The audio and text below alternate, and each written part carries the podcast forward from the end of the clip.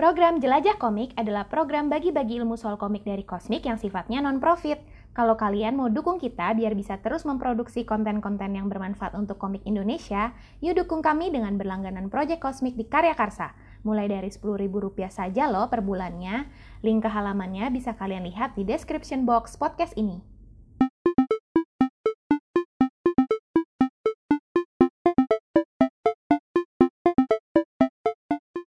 Halo semuanya, kembali ke Cosmic Epot. Kali ini kita udah sampai episode 6 dan topik episode kali ini adalah Jurus Manis Komik Laris. Untuk episode kali ini kita punya tamu istimewa. Kita bakal ngobrol bareng Jose Niel, editor dari Line Webtoon. Yeay. Halo Niel. Halo.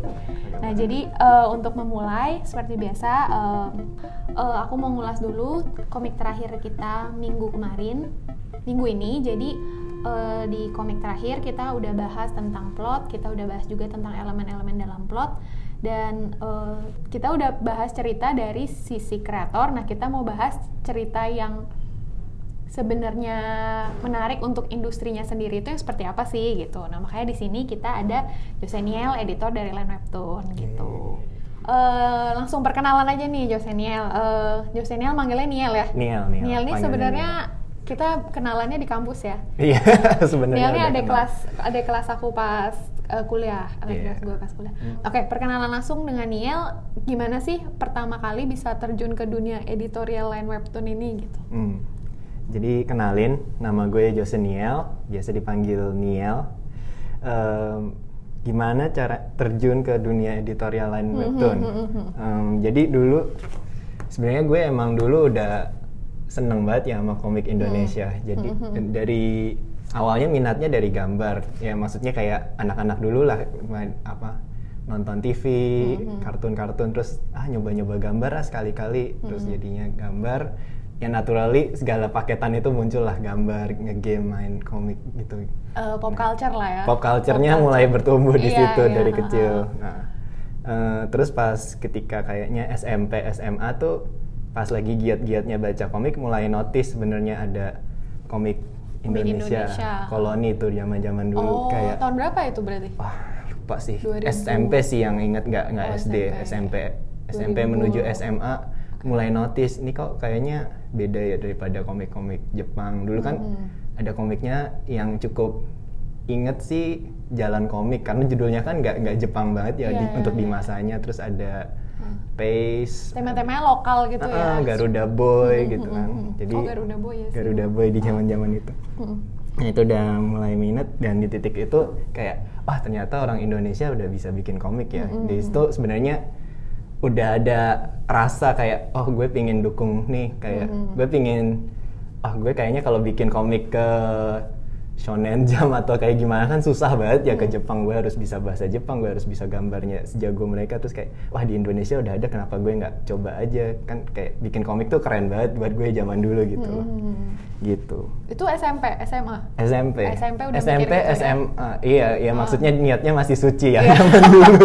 Oh, masih, masih murni, murni. masih murni. Iya. Niatnya masih suci. Jadi ya ketika mau kuliah gue milih DKV simply karena temanya pop culture juga kan kayak Mhm. ada game, ada komik. Mhm. Terus kayak pas mau lulus gue ngambil tugas akhirnya komik juga. Oh gitu, Ha-ha. tugas akhirnya komik. Oke. Iya, karena menurut gue komik paling gampang sih Iya daripada sih, yang lain. animasi gitu-gitu. Iya, dibandingin animasi Dulu gitu. lu grafis ya? Desain grafis ya? Gue desain Oh, grafis iya, iya, dulu. oke, oke. Ha-ha. Gue ngambil komik dan kebetulan deket-deket mau lulus tuh Line Webtoon buka lowongan dan ini Oh. masih sejalan sama Iya. iya. semua yang gue Impikan impikan dari ya. zaman dulu Ah. gitu.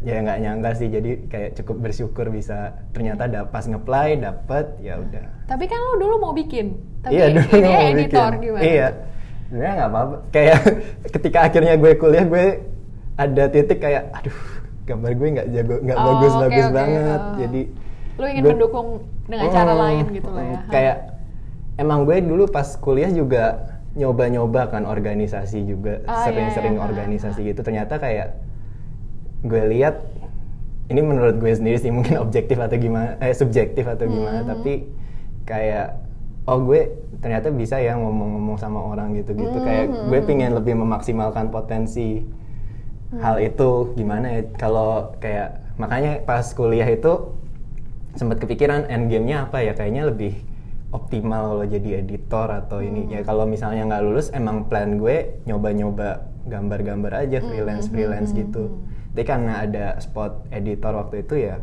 gue coba aja dulu idenya sih pingin ah kalau waktu senggang pingin ngomik juga Iya, atau iya. gimana tapi ya tidak Gitu, tercapai. ya. oh tapi berarti eh, lu merasa bisa jadi editor karena selain lu tertarik sama komik, lu merasa lu punya skill buat komunikasinya itu ya. Kayak Hmm. maksudnya lu cukup cakap berkomunikasi Iya, dengan orang lah ya. Iya, Oh. sebenarnya sih kayak Oke. ya mungkin kayak mungkin komik gue bahkan kalau gue bikin komik sendiri gue merasa komik gue nggak terlalu laku juga di pasaran karena selera selera gue kah Oh, atau iya, iya, iya. emang kurang ilmunya juga kan Oh. dulu nggak ngerti apa apa komik Hmm. jadi kayak ya udah pas ada lowongan editor ya udah eh, pingin tahu nih dunia komik tuh di Indonesianya kayak gimana landscape-nya dan Hmm, segala macamnya gitu. Tapi sekarang masih pengen nggak suatu hari nanti? Oh iya, jelas buat bikin- pengen. Oh masih pengen berarti. Jelas pengen. Berarti impian itu masih ada ya? Masih ada cuma Oh, ya oke. Oke, oke. gitu deh. Kalau sebenarnya editor di line webtoon itu kerjanya ngapain aja sih? Hmm, jadi dulu pas pertama masuk Haha. kerjaanku tuh disuruh ngecek di challenge-nya. Zaman dulu Oh, challenge iya, namanya. iya. Sekarang namanya Canvas. Canvas Webtoon ya, Canvas. ha, ha, ha. Eh, Canvas itu apa? Jadi di Webtoon Canvas tuh orang-orang bisa ngupload komik-komiknya mereka sendiri. Hmm, hmm, hmm. Nah, jadi kan artinya tuh komiknya sebenarnya bebas banget ya bisa Iya, iya, iya. kontennya macem-macem mulai Oh, dari yang oke. bagus banget ada, yang Iya. jelek banget juga ada, Ah. yang yang Aneh-aneh gitu? Aneh-aneh yang Ada juga? Ada yang Oh. kayak stickman stickman gitu, Oh, gitu. atau yang bahkan screenshot screenshot gak jelas juga Oh, ada. ada gitu ya? Ada kayak Oh, gitu. Cuma eh, karena gue waktu karena waktu itu gue pas di assign gue disuruh ngawasin challenge. Challenge, Heeh, ah. Jadi kerja gue adalah nge monitor semua komiknya basically. Jadi Gils. kayak- Baca banyak banget dong setiap hari. Banyak banget setiap Bisa hari. berapa bisa berapa komik yang dibaca tiap hari? Banyak sih. Kan soalnya dia eh, page-nya tuh setiap update ya. Iya, iya, Bukan iya. per judul. Jadi kayak mungkin bisa 30, 40. Hmm. Tapi emang ya gitu sih. Emang dulu masih rajin ya pas Iya, masih magang kayak Oh itu tuh sebenarnya ngecekinnya lebih buat nyari yang melanggar misalnya melanggar rules Hmm. atau aneh-aneh gitu daripada semuanya sih semuanya Ah. sekalian jalan soalnya. Ah. Jadi ngecekin itu yang pertama pasti gue harus ngeblok yang konten-kontennya NSFW Ah. yang nggak nggak pantas lah untuk disodorkan untuk pembaca Indonesia. Terus ya di saat yang sama kan gue baca-baca juga webtoon-webtoon apa sih yang laku di challenge. Karena kan ini emang dari orang bebas untuk upload orang bisa menilai bebas gitu. Jadi nggak nggak nggak dikontrol editorial di titik itu. Jadi emang cukup organik Hmm, ke kondisinya di sana. Jadi gue belajar banyak kayak oh ternyata yang laku di pasaran tuh yang kayak gini. Hmm, hmm, hmm, hmm. Bener-bener. gitu Itu kan dulu tuh pas baru masuk kan, Hmm. baru masuk jadi editor. Kalau sekarang kerjanya apa? Nah, jadi setelah masa magang gue, Oh, gue- itu magang, Itu magang. pas magang, ya. Magang. Pertama masuk magang. Habis itu barulah di setelah magang ditawarin lanjut lagi, workload gue nambah. Hmm, hmm. Heeh. jadi mulai dari ngurusin sosmed, mulai dari Oh.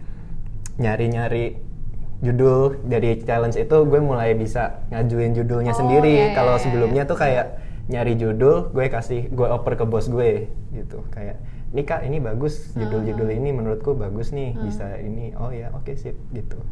Tapi ya di titik udah itu gue udah bisa ngajuin sendiri. Ini aku pengen develop judul-judul ini. Oh itu Ini lu boleh ngajuin boleh beneran di buat titik di itu. develop Heeh, gitu. jadi kayak ya kayak kalau baca komik Bakuman tuh ya kayak gitu Iya, lah iya, jadi iya. editor Iya, udah iya. ala-ala editor Iya, manga-manga gitu. ide yang menarik gitu, gitu ya. Iya. Heeh. Tapi sebenarnya kerjanya nggak itu doang, nambah kayak ngurusin sosmed, operasional aplikasinya juga ngurusin, Mhm. translasi, translation ngecek translation kalau dari Koreanya Ada ngecek gitu translation ya. eh, ngecek translation kalau dari Koreanya ngirim file apa kita harus Hmm, ngecek hmm, ngecekin hmm, periksa hmm. Ya gitu sih kurang lebihnya Sama kayak kalau lu handle berapa komik sih?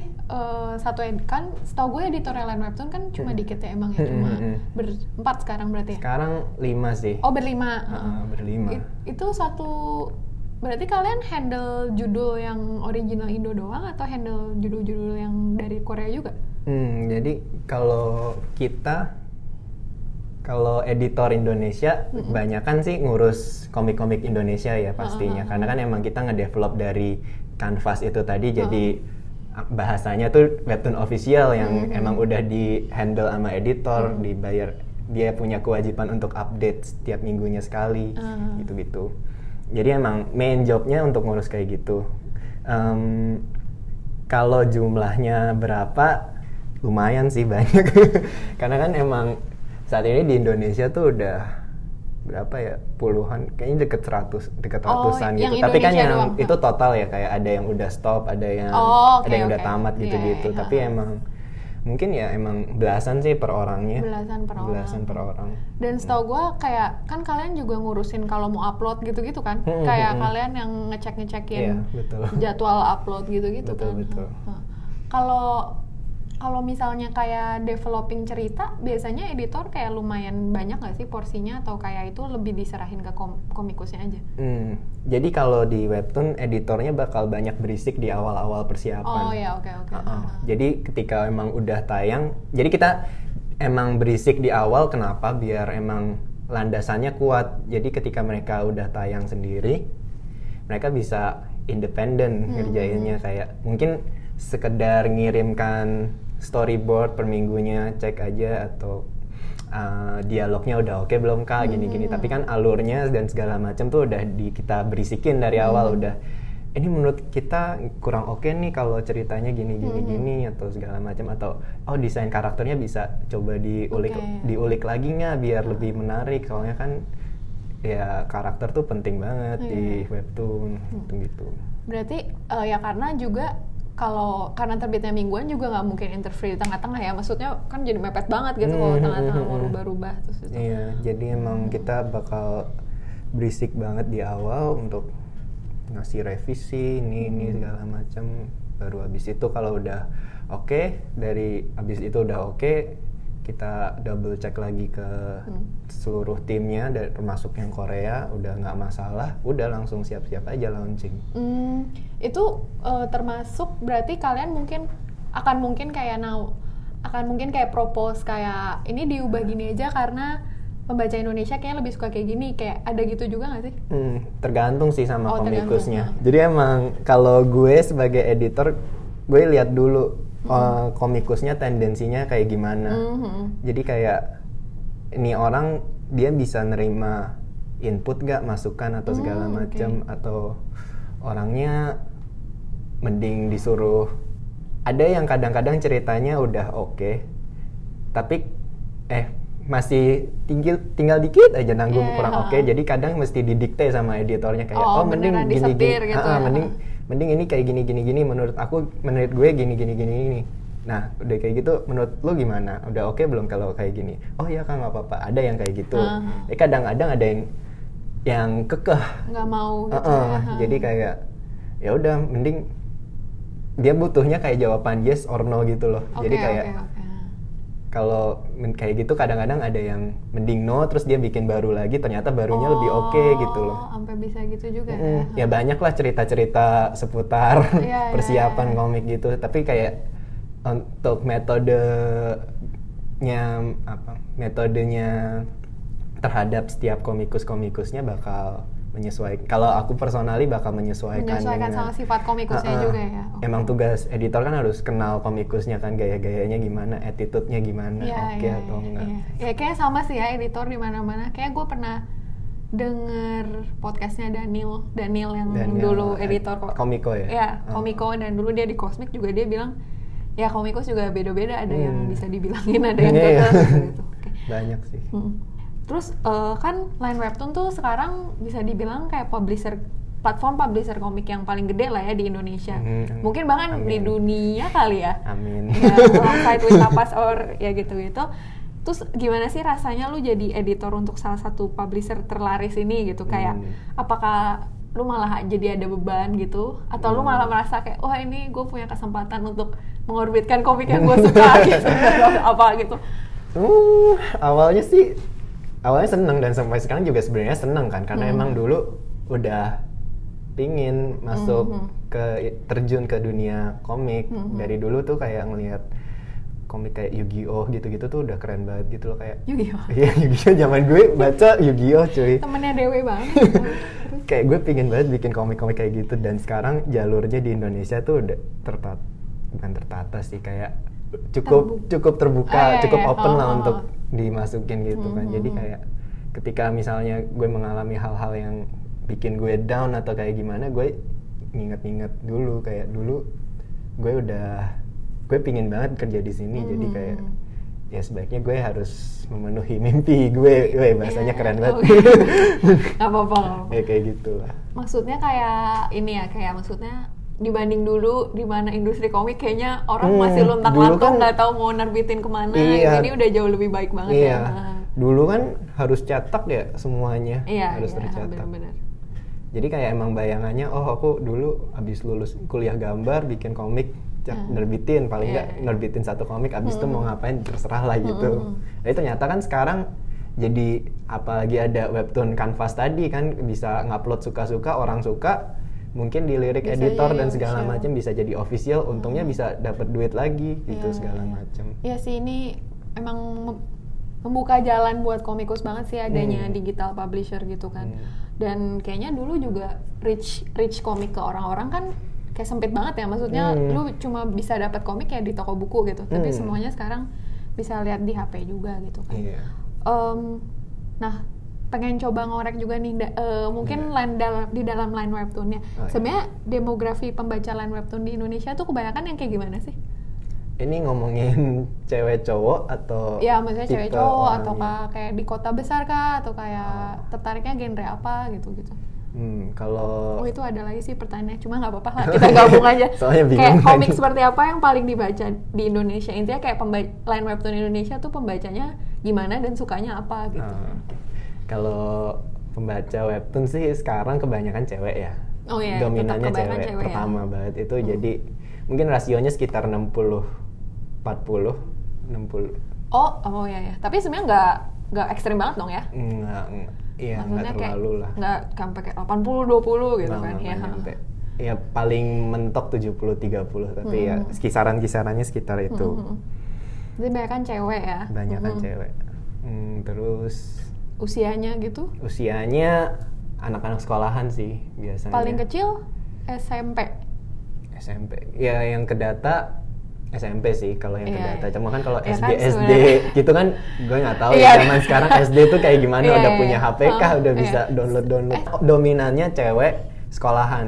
Cewek sekolah. Cewek sekolah berarti bisa kayak SMP, SD, SMA sampai eh, kuliah mungkin lah ya. SMP SMA ya dominannya. Oh, dominannya sampai SMP, SMA. Habis itu kuliahan, Hmm. mungkin habis itu kerja gitu-gitu dominan. Dan kebanyakan di kota besar kayak eh, Hmm, nggak Atau ju- ada juga di nggak daerah? juga. Ya kota besar ada, maksudnya kayak Medan gitu-gitu. Ternyata Oh, surprisingly ya, oke, oke, oke. banyak pembaca-pembacanya. berarti di luar Jawa pun di kota-kota luar Jawa juga udah banyak yang baca ya. Mm-mm, sebenarnya malah mereka kayak kalau kita bikin offline event sering ada komentar-komentar kayak kak kapan bikin event-event di Ah. daerah kami atau gitu-gitu. Jadi emang mereka pingin nggak pingin di kota ibu kota aja di Jakarta iya.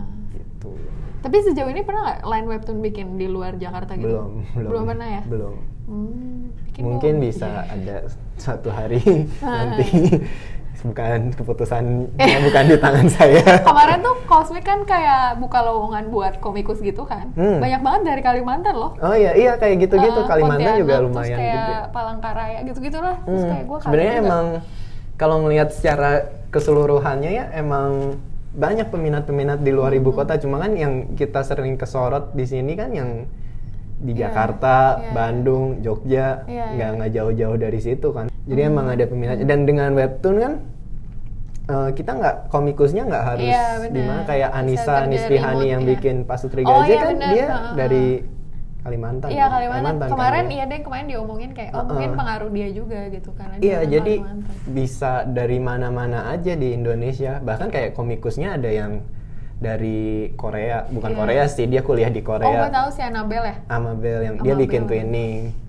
Amabel Anabel Annabelle. ntar horror Iya, jadinya jadi horror Annabelle. terus ada ya banyak ada yang kuliah Iya, di iya, Singapura iya. juga ada karena bisa kerjanya remote ya. Mm-mm, jadi Iya. nggak nggak nggak terlalu terikat tempat kerja Iya ke sih. segala macam Emang kemarin gue baru nyadar juga sih kayak sebenarnya dengan digital tuh memotong costnya sangat banyak ya maksudnya. Hmm. Udah gitu kan kalau digital kalau ada revisi masih bisa lah ya. Hmm. Direvisi gitu kan. Iya. Kalau aku cetak nggak mungkin gitu dari direvisi. sketsanya udah harus Mm-mm. bener fix semuanya Iya, terus kalau udah cetak totalnya typo gitu nggak bisa Hmm. dibenerin gitu kan. iya sih bener-bener Berarti em, demografinya itu kebanyakan cewek, anak sekolahan dan di kota besar tapi nggak cuma di Jakarta ternyata ya bisa di Ternyata kota besar banyak di kok di mana-mana. Nah, Nah kalau yang paling sering dibaca genrenya adalah?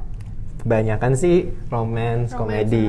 romance Mungkin karena cewek juga yang baca iya ya. mungkin karena emang dominannya cewek jadi yang banyak dibaca itu romance komedi. Mungkin ada drama ada fantasi gitu. Hmm. sebenarnya kalau ngomongin kesukaan pembaca Indonesia itu em, sebenarnya kebanyakan suka yang ringan sih casual. Iya, uh. Jadi kayak yang kami para editor sadar itu eh, orang-orang Indonesia tuh suka yang relatable sama kehidupan Iya, mereka. ha, Jadi kadang-kadang ada komik-komik kita masukin komik dari Korea isinya tentang cerita kehidupan sekolah Korea nggak terlalu laku. Nggak relate Heeh, ya, ha. Tapi ketika kita masukin komik-komik yang lokal banget kayak jajan squad kayak gitu. Pasutri Gaje Oh, itu ya, misalnya paling Gaje, contoh paling gampangnya. Kan itu. PNS nggak mungkin ada di luar iya, benar-benar. nggak mungkin di Jepang nggak mungkin di Korea nggak mungkin Iya. di negara penghasil komik gimana kan. Emang itu khas Indonesia dan jadinya kayak orang-orang oh lucu ya unik. Ya ternyata Iya, ada. iya,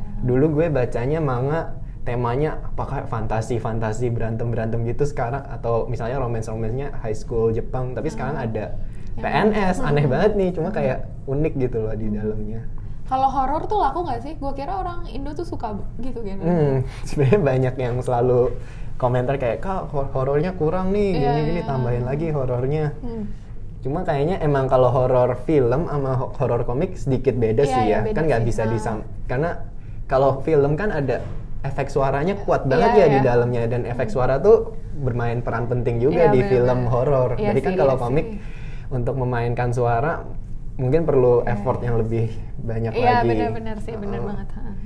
Berarti emang romance komedi, drama, tapi Mm-mm. fantasi juga ya, berarti lumayan ya? fantasi ada cuma memang fantasinya yang relatable juga jadi yang Fantasi di setting modern gitu lah ya mungkin. jadi kayak misalnya kayak kalau komik Korea tuh Noblesse dia Ah. tetap ceritanya vampir-vampiran tapi ada dunianya dunia Korea saat ini gitu Iya, loh iya. jadi itu yang- lebih disukai daripada Mm-mm. yang beneran di dunianya Full ya full fantasi. fantasi dunianya magic gitu-gitu ya. Oke, oke. Nah, tadi kan yang paling dibaca nih di Indonesia. Kalau sebenarnya yang line webtoon, line webtoon kan pasti nyari terus ya, maksudnya Hmm. komik-komik yang buat diterbitin. Yang kalian paling cari itu sebenarnya kayak gimana sih? Apakah kalian sebenarnya juga sedang berusaha cari genre lain gitu yang di luar genre yang banyak disukai atau gimana? Hmm, jadi ya sebenarnya kita terbuka sih buat apa Mm-mm. judul-judul apa pun jadi kalau kalau nyari apa biasanya emang tahunan dari bos di Koreanya ada oh tahun Hmm. ini kita pengen coba fokus ini ini ini Hmm, hmm, targetnya ini. Oh ya udah kita dari kanvas itu coba cari yang judul-judulnya kayak gitu. cuma kayak sebenarnya pada akhirnya kalau komiknya bagus kita bakal approach sih. Dan kalau emang orang-orang suka ya ya udah sesimpel itu. Oh, kalau ya. komiknya bagus kita akan coba Hmm. terbitin. Meskipun bukan genre yang paling populer juga akan Enggak, tetap dicoba mm. gitu ya. ada banyak faktor sih kayak oh ini artworknya oke Oh, atau oke, ha. ini ceritanya bagus banget tapi gambarnya kok jelek banget iya, iya, gitu iya, ada ha. juga yang kayak gitu Oh ya, kalau nggak salah terlalu tampan kan Hmm. kalian cariin gambar Iya, yang betul. ilustrator baru ya? Iya, Hmm. jadi awalnya si bos gue kurang serak sama gambar awalnya, Iya, tapi iya. ceritanya suka banget Ah. tuh. Nah, makanya dia cari, coba di dia kebetulan bos gue udah ngontak komikus lain di webtoon kayak eh gimana nih kalau kamu coba kerja sama ilustrator ini si Mhm. Savenia-nya waktu itu Mhm. Afis sama Savenia Afis yang nulis ceritanya Savenia yang gambar ditemukanlah di chat grup dan ternyata cocok ya Mhm. udah bikin terlalu tampan Hmm, Iya, iya, iya. Berarti Gitu. kalian juga mem- gimana ya? Kalian juga melakukan hal-hal itu ya, kayak maksudnya nggak cuma ngelihat yang paling populer, tapi kalian bisa lihat kayak oh ini bagus tapi kurang ininya dan kalian mau gitu nyariin Hmm, yang hmm, ini ya. bisa. Oke. Nah kalau misalnya dari komik dan komikus Indonesia sendiri, ada nggak sih kelebihannya dibandingin kayak apa komik-komik Korea atau Hmm. komikus Korea ya nggak gue tahu sih. Dan kalau misalnya, eh, nah itu kan ada kelebihannya dan kalau kekurangannya juga apa gitu di, untuk industri untuk menurut line webtoon sendiri gitu. Hmm. Kalau keunikan atau kelebihan ya ngomongin Hmm, hmm, kelebihan keunikan. Ya sebenarnya berkaitan sama yang aku jelasin tadi sih sebelumnya kayak eh, komik-komik yang dibikin sama orang Indonesia tuh pasti beda sama komik-komik yang dibikin orang Jepang atau orang Hmm. Korea. Karena mereka kayak kalau kamu mau bikin komik tentang sekolahan aja tuh udah beda banget Hmm. budayanya kayak Iya, iya, iya. misalnya orang Jepang kalau masuk sekolah harus taruh sepatu dulu lah atau Iya, kayak gitu kan iya. udah itu nggak mungkin ditemuin Nggak di Indonesia ya, Ya, kita nggak bisa relate apa apa. Sebenarnya kayak misalnya di Indonesia tuh kalau misalnya kayak kalau di Jepang berantemnya tuh kayak tawurannya kayak eh, ya gangster-gangster gitulah kayak bentuknya jojo jojo yang Iya, gimana iya, gitu kan tapi kan di Indonesia nggak mungkin ada yang Hmm. itu pakaiannya pakaiannya udah beda lagi Senjatanya. senjatanya udah beda lagi Iya, iya, iya. nggak mungkin kan di Indonesia pakai bat bat baseball Oh, itu iya. udah nggak nggak mungkin ketemu di mana besi. Pakai penggaris besi atau kayak gimana itu jadi Parang selling motor. pointnya Oh. sendiri di komik-komik Indonesia Untuk pembaca, emang untuk, Untuk pembaca, pembaca Indo. Indonesia. Iya, ha, ha.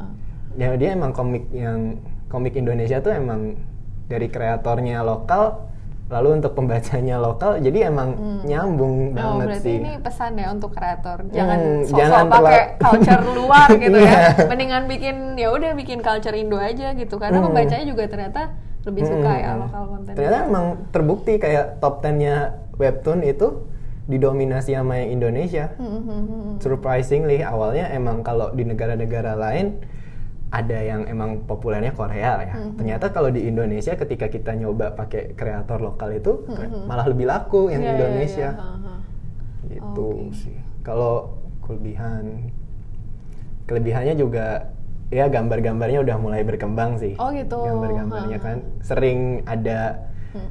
sering kan ngelihat kayak achievement achievement Indonesia udah menang lomba ini, menang Hmm, lomba hmm, itu, hmm. nggak jarang kayak harapannya sih dengan semakin banyak kayak gitu, makin banyak juga. Eh, maksudnya iklim dunia ilustrasi gambarnya juga makin maju. Berarti kalau untuk visual crafting udah oke lah ya. orang udah lumayan lah nggak nggak nggak nggak bontot-bontot banget. Di webtoon juga banyak juga yang kayak udah berhasil keluar negeri gitu-gitu Iya, kan iya. bahkan memotivasi kayak di webtoon ya Anissa udah ke mana ke Iya. Taiwan ke Iya. eh webtoonnya ya bukan Iya. orangnya webtoonnya udah Ditranslate ke ke. Taiwan Uh-huh. terlalu tampan pernah ke Jepang gitu-gitu Hmm, ya emang nge- harapannya bisa membanggakan dan Iya, bisa iya, iya. nge- mendorong orang-orang pembaca Hmm. pembaca yang ah keren banget nih ada komikus Indonesia bisa kayak gitu ha, ha. dan ternyata di webtoonnya bisa ngupload sendiri dan segala macam kenapa aku nggak coba aja gitu Hmm, sih hmm, hmm. emang jalannya udah lebih Iya, enak sekarang sih terbuka ya. ha. Mm-mm. Kalau kekurangannya apa tuh? kekurangan Gak apa-apa, gak apa-apa. Gak usah nyebut nama. general aja, general. Kalau ngomongin kekurangan paling Enggak, se- bukan kekurangan yang, yang bisa diperbaiki lebih baik bisa gitu. diperbaiki. Ya, Daripada kekurangan. tapi emang ada satu satu hal yang emang aku sering sering kejadian sih. Yaitu sebenarnya kurang riset orang-orang Oh, Indonesia. Oke, oke. ha, ha. Kurang riset.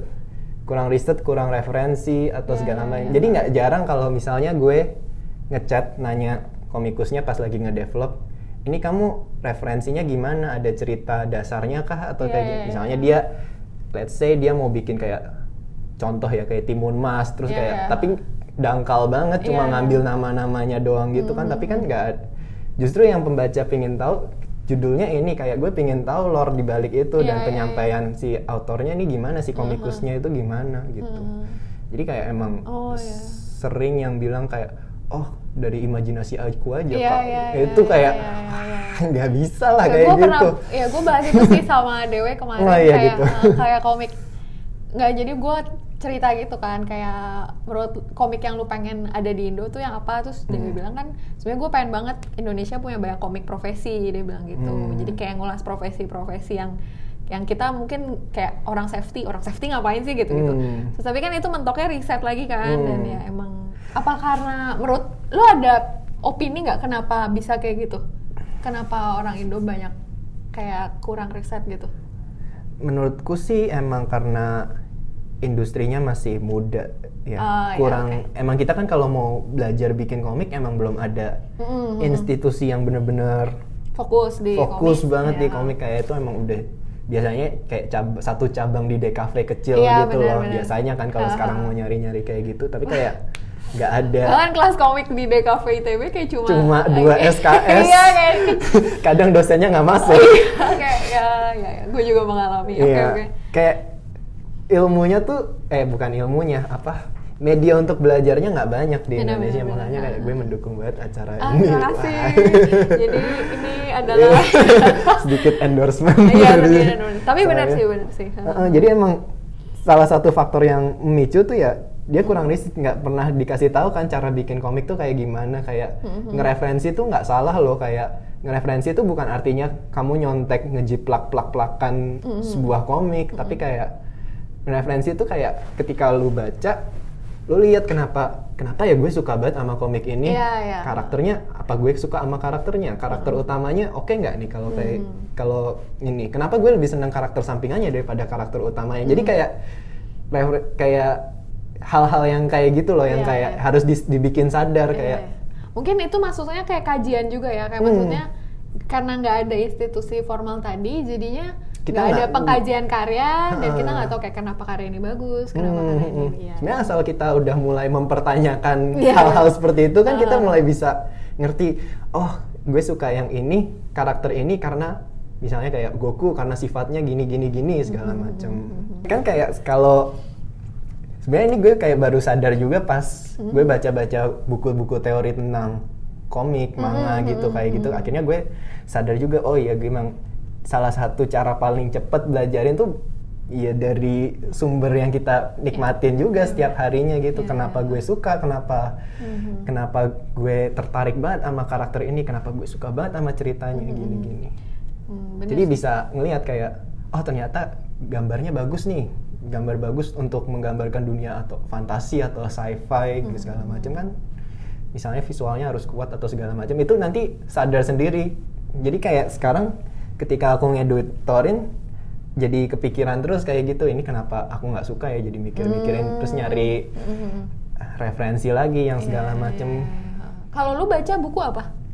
apa nih Yang tadi buku? lu bilang buku-buku tentang komik gitu. Oh, buku-buku yang banyak sih. Cuma kalau yang gue bisa sebut kitab gue dalam ilmu-ilmu komik itu ada tiga. Satu bikinannya Will Eisner, ah, komik sequential. Gue lupa judulnya. Pokoknya searchnya Will Eisner aja tuh bukunya banyak. Gila, bacanya Will Eisner. Oke, terus, Terus ada Scott McCloud itu Ya, dulu itu sering banget di Ya. referensi kalau misalnya pernah kuliah di kafe pasti dosen-dosennya Iya, iya, bakal iya. nyebut itu. Kayaknya iya, gue lupa loh. gue baru gue baru buka Scott McCloud lagi karena bikin project ini. iya. terus terus. Scott McCloud dan terakhir yang gue ini bukunya susah dicari sih Hmm. tapi gue belajar banyak itu judulnya manga understanding theory bikinannya Hirohiko Araki Ah, ya, gue itu tahu bikinannya Itu yang bikin beli, itu gue mau beli, itu ya. bikinannya Jojo Bizarre Adventure dan Iya, buku iya. itu menarik banget karena Iya, dia ngasih sudut pandang dia sebagai kreator di Shonen Jump waktu Iya, itu iya, benar, kenapa benar. kayak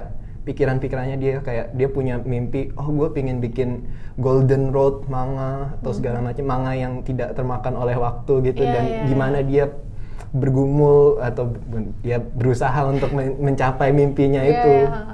kayak dia nyeritain Jojo itu tentang apa dan segala macam. Wah itu Iya, bagus iya. banget sih. Itu juga dibilang bagus banget karena biasanya eh, karena dikit sekali buku yang ngulas tentang manga dari dalam industrinya Hmm, yang hmm, bisa diakses dengan bahasa Inggris kan dan Hmm. akhirnya ada si bukunya dia itu. Iya. Oke, berarti gue harus beli. Iya, itu gue udah mau beli banget, banget. cuma kayak belum ya nunggu gajian. Oke, oke, siap, siap. menarik sih karena dia Hmm. ngasih sudut pandang editornya dia kayak gimana kenapa editornya kok kesannya jahat banget ya kayak gini-gini Hmm. dan segala macam Iya, iya, iya. Karena sebenarnya em, industri manga tuh masih agak misteri ya. Maksudnya kita kan terekspos banget tahu. sama industri komik Amrik gitu kan. Hmm. Kayak kita tak lumayan tau lah itunya tapi manga ya ada sih bakuman gitu Hmm. Gitu. kita dapat Tapi kan itu bocoran bocorannya tapi kayak eh, itu kan ngambil unsur-unsur bagusnya buat Terus jadi komik, jadi gitu ya. dramatis Iya, iya. aslinya nggak segimana banget yang gue mena yang menarik buat gue berarti lu pun eh, editor lu juga belajar teori manga eh Hmm. sorry belajar teori komiknya juga ya Iya. Heeh. dan ini mungkin emang karena basic gue DKV Hmm, dan gue emang minatnya komik jadi gue sebelum masuk di sini pun sebenarnya udah sedikit banyak baca Iya iya iya. cuma emang belum gue apa ya resapi Iya, iya, secara iya. mendalam nah Iya, iya. ketika gue udah kerja di sini gue merasa kebutuhan untuk belajar lebih Hmm, dalam lagi kan. Jadi gue ambil lagi fotokopian buku-bukunya itu. Iya, iya, iya. kalau misalnya lagi temen ada yang pergi ke mana coba minta nitip bukunya. Hmm, Iya, iya, dan iya. kebetulan kemarin dapet bukunya yang si Hirohiko Araki itu. Mm-mm. gue bener-bener belajarin. Jadi kayak setiap setiap babnya tuh gue bikin rangkuman gitu saking gue Hmm, perlu gue biar ingat pelajarannya gitu kan Mantap tapi emang worth it nggak menurut gue itu basic sih dan itu worth it banget untuk dimiliki sebagai Hmm. kalian-kalian yang ingin jadi editor Iya, atau iya. gimana atau bikin bikin komik pun juga tetap bisa diaplikasiin hal-hal Iya. kayak gitu Iya benar-benar benar. gitu sih Dan sebenarnya kalau ya itu ya balik lagi sebenarnya kenapa harus punya teori ya karena kita jadi tahu kalau ini bagus kenapa, ini bagus kenapa. Jadi kita nggak bikin asal Hmm, nggak bikin komik itu asal gitu nggak, kan. ah, kayak aku- tahu aku gitu apa yang works. kayak gini, Iya, iya, apa yang kayak works dan apa yang enggak gitu. Oke oke. Nah, eh, setahu gue kan ini balik lagi ya Oke, line webtoon. silakan. Agak melebar.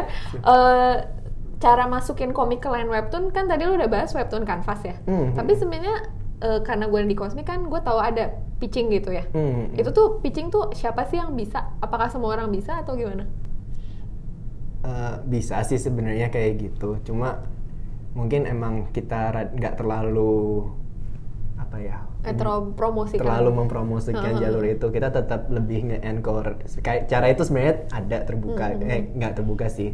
Ada cara itu. Ada, cuma kayak kita lebih nge-encourage Hmm. komikus-komikus baru nih untuk startnya dari kanvas ini challenge. Kenapa? Karena mereka bakal ngerti dulu mereka bakal berhadapan pembaca-pembaca kayak Iya, gimana kalau kamu kalau misalnya langsung ke editornya kan kadang-kadang nggak malah nggak ngerti ya dengan Hmm. landscape kebutuhannya kayak gimana pembacanya kayak gimana Hmm. karena kan pada akhirnya komik yang bagus itu bukan yang ceritanya bagus atau yang artworknya bagus tapi komik yang bagus itu adalah yang nyampe ke pembacanya Benar-benar. kayak sebutlah kayak tai lalat gambarnya apa ini Iya, iya. tapi kan komiknya laku gitu Iya, orang-orang suka karena emang tepat ke sasarannya Tepat cerita sasarannya. ceritanya ceritanya sinergi cerita dengan gambarnya cocok dan Mhm. itu ternyata cocok buat ke pembacanya gitu loh Hmm. Dan mungkin kayak apa sih? Gimana ya? Karena dia udah di webtoon canvas berarti udah terbukti dia emang beneran bikin Ternyata. gitu ya. kayak dia langsung mulai gitu ya, kayak daripada coba gitu. Kalau misalnya yang misalnya dari webtoon canvas nih katakanlah terus udah jadi official gitu. Mm-mm. Biasanya kalian tuh butuh apa sih dari si komikusnya ini buat development ke depan yang kalian bilang nanti bakal Hmm. kalian recokin di Iya, depan iya, itu itu iya. biasanya butuh apa aja sih di pertama pasti kita dokumen-dokumennya? perlu ceritanya yang jelas Iya, ya cerita ha, ha. keseluruhannya Mm-mm. jadi kita kebayang kayak dia rencananya gimana sih kan kadang ka- kenapa kita tertarik kan karena dari kanvasnya itu udah Ah. Entah prolognya bagus banget atau karakternya selling banget tapi kan kita nggak tahu alur ceritanya bakal gimana Mm-mm, jadi mm-mm. emang perlu tahu nih ceritanya keseluruhan kayak gimana kita bisa ngembanginnya kayak gimana ekspektasi episodenya berapa banyak itu kan ngaruh Hmm. Oh, buat iya, iya. dari Koreanya juga ekspektasi episodenya itu gimana. bentuknya sinopsis kah atau kayak apa kayak per Hmm. episode gitu kayak ringkasan per episode gitu atau gimana? Ini Sinopsis. teknis banget sih ya, Iya, cuma teknis. kayak siapa tahu Iya, ada iya. belajar, ada yang mau belajar dari sekarang gitu. Jadi pertama kita perlu logline.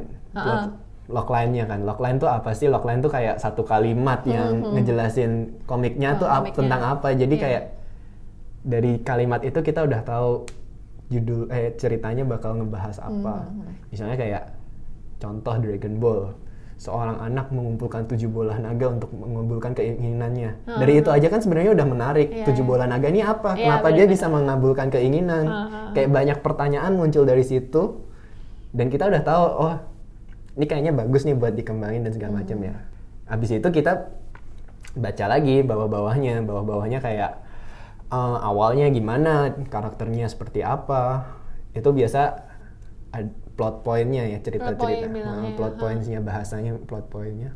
Kayak karakternya apa sih awalnya gini-gini. kayak Kenapa introduksi terus introduksi karakternya dan kenapa dia jadi penting di ceritanya ada Oke, oke. ada apa ini di dalamnya konfliknya bahasanya kita Hmm. harus tahu tujuan utamanya goalnya dia tuh apa Hmm, konfliknya dan gimana dia cara membereskan konfliknya itu Hmm, ya udah terus kan itu bakal dijelasin sampai akhir episodenya Hmm. Berarti udah ada eh, udah harus tahu juga ya dari awal kira-kira mau berapa episode gitu. Hmm, kasar aja sih itu nggak nggak nggak perlu Oh, eksak banget cuma kayak bayangannya kira-kira gimana. Nanti pas udah tayang pun kita sering bakal minta eh, perencanaan episodenya. Oke oke Uh, misalnya kayak "Hmm, ini kira-kira rencananya gimana? Misalnya mau akhir season atau kayak gimana tuh kita bakal minta lagi buat memastikan endingnya tuh keren atau gimana gitu kan. karena ya hal-hal gitu kan ending atau puncak-puncak di komiknya tuh kan penting banget ya Iya, jadi iya. emang harus extra care juga di dalamnya gitu oke kalau line webtoon tuh ada nggak sih kayak satu season harus berapa episode minimal gitu Hmm, nggak ada sih. Sebenarnya nggak ada? sebenarnya officialnya nggak ada, cuma biasanya kisaran 20 sampai 30-an kalau itu satu buat season. lihat dulu dulu juga kayak maksudnya apakah ini disukai gitu-gitu Iya, kurang lebihnya. Jadi kalau misalnya kalau misalnya ternyata tidak terlalu apa maksudnya kan bisa season 2 bisa enggak gitu. Mhm, Berarti ada kemungkinan kayak enggak gitu season 2 gitu bisa dilihat dari ya, situ tah. ya sama lah kayak publisher-publisher Iya, lain iya, sih, iya, iya, ya nggak ha. nggak nggak eksklusif gimana banget. Oke, berarti kayak logline terus itu ya kayak plot Logline-nya gitu. harus menarik pertama Ah, banget. ah. Setelah dari logline menarik, kita langsung lanjut ke plot point-nya, penjabaran ceritanya. Kenapa Mm-hmm. gue harus invest banget ke karakternya? Kenapa gue mau ngikutin ceritanya? Mm-hmm. Gitu-gitu. Sama karakter desain pastinya ya. Ya jelas karakter desainnya. Cuman kalau misalnya dia start dari kanvas kita udah bisa Oh, lihat benar nih. juga. Ya, benar. Sebenarnya kalau start makanya kalau start dari kanvas tuh udah menjawab Iya, banyak iya, iya. prosesnya itu. Jadi kita udah bisa ngelihat dia eksekusinya kira-kira kayak Iya, gini. benar-benar. Ha. Ceritanya dia cara penyampaian storytellingnya kayak gini.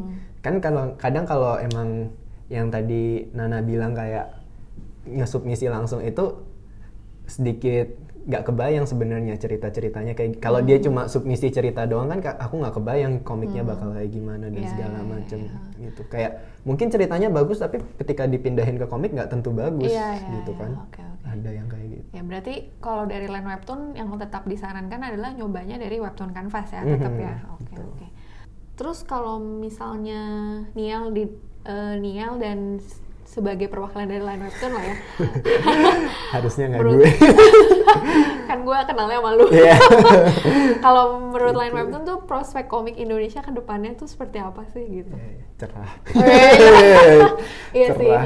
Sekarang juga udah ada yang jadi film segala. Hmm, iya apalagi udah mulai dilirik ya sama film mungkin Iya. nanti bisa ke game atau kayak Iya, gitu kan iya. banyak banget sebenarnya cabang-cabang medianya Mhm. banyak ya cukup cerah sih sebenarnya kayak Mhm. Nanti jangan lupa nonton filmnya Oh, juga iya, iya. yang bakal tayang Ada Eknoid ya? Eknoid nanti Eknoid, iya. kemarin sempat terlalu tampan udah tayang kan ya good start lah itu Iya, sebenarnya iya, good iya. start Ya, itu banget big thing banget sih Mm-mm. dijadiin film dari komik dari kayak komik wah ternyata bisa ternyata bisa lagi film, dulu gitu. dulu cuma bikin komik doang zaman gue cuma gue tahu oh ada orang Indonesia bikin Iya, komik iya. sekarang bisa bikin komik terus komiknya jadi dijadiin film kayak Iya, iya, iya. wah gue kalau zaman dulu udah Iya, iya, iya. gimana iya. Mind blown lah. ya, mind blown kayak ya. wah Oke. ternyata udah bisa Berarti menurut lu cerah lah ya? cerah dan emang komik tuh media yang cukup kuat ya gampang kan Sebe- bukan gampang sih cuma kan kayak Ya. semuanya berdasar dari cerita dan salah satu media penyampaian cerita yang cukup paling sederhana lah cukup ya. sederhana Di- kayak kita dibuat. ngasih visual dan narasi itu komik sebenarnya kalau misalnya novel ya bisa juga cuma kan visualnya Iya, si kalau misalnya mau jadi film harus digodok lagi kan visualnya dan segala macem kalau komik kan kayak gue pengen bikin ceritanya kayak gini karakter eh, gambarnya kayak gini ceritanya kayak gini Dan ketika di iniin lebih lebih kebayang udah lebih ada kebayang modelnya udah lebih kebayang ini deh. Nah terakhir mungkin untuk menutup pertanyaannya klise sih. Klise. Ya. Harapan Nia untuk komik Indonesia. Eh, Pertanyaan klise. Cuma ada nggak gitu? Ya ya harapan gue sih personally gue nggak berharap kejadian lagi kayak zaman dulu ketika ketika komiknya sempat surut tuh Iya, iya, iya, semoga itu nggak kejadian lagi apalagi sekarang kan pelakunya udah banyak, Banyak banget sih, sekarang kan. udah banyak Heeh. banget, jadi harapan gue nggak banyak cuma pingin biar ilmu-ilmunya tuh berhasil diturunkan buat Iya, generasi oke oke. Hah. muda biar kita nggak nggak nggak start dari nol lagi Iya benar. Hah. Gitu sih Weh, mantap. Yeay. Oke lah, ya udah. Oke Niel, terima kasih terima kasih ngobrol-ngobrolnya. Iya, sama-sama. Ya jadi em, mungkin ini bisa didengerin ya buat calon-calon komikus yang pengen masukin ke Hmm. line webtoon kayak Iya. kita tadi udah ngomongin kayak line webtoon tuh eh, apa yang penting buat line webtoon pas mereka mau misalnya menjadikan cerita jadi official Hmm. gitu terus kayak komikus Indonesia sendiri apa yang apa kelebihannya dan apa yang masih Hmm. perlu diasah gitu gitu ya. Oke, jadi setelah podcast ini nanti eh, di episode komik berikutnya kita bakal bahas tentang karakter dan kita juga bahas abis itu kita bakal bahas tentang world building dan segalanya sampai ke hmm, sampai tadi bahas yang Niel pernah ba- tadi sebut juga tuh tentang riset. Oh, Nah, iya, iya. keren, Jadi keren. semoga nanti bisa berguna ya. Kayak Iya. maksudnya gimana sih riset eh, yang benar gitu karena Hmm. kita ada podcast juga tentang riset gitu. Widih. Semoga bisa membantu teman-teman komikus. Oke. Wih. Nah, eh, sekian episode kali ini. Mau ngingetin kalau Cosmic Epot adalah bagian dari program Jelajah Komik Kosmik atau Project Cosmic bersama dengan Cosmic Explore, serial komik pendek tentang ilmu bikin komik cara kosmik. Cosmic Explore bisa kalian baca setiap Senin dan Sabtu, dan Cosmic Epot akan dirilis setiap Kamis setiap minggunya. Keduanya bakal punya tema yang berkaitan, jadi jangan sampai ketinggalan episode yang mana pun. Oke, terima kasih semuanya. Jangan lupa keep exploring.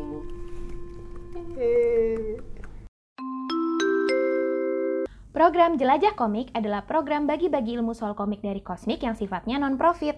Kalau kalian mau dukung kita biar bisa terus memproduksi konten-konten yang bermanfaat untuk komik Indonesia, yuk dukung kami dengan berlangganan Project Kosmik di Karya Karsa.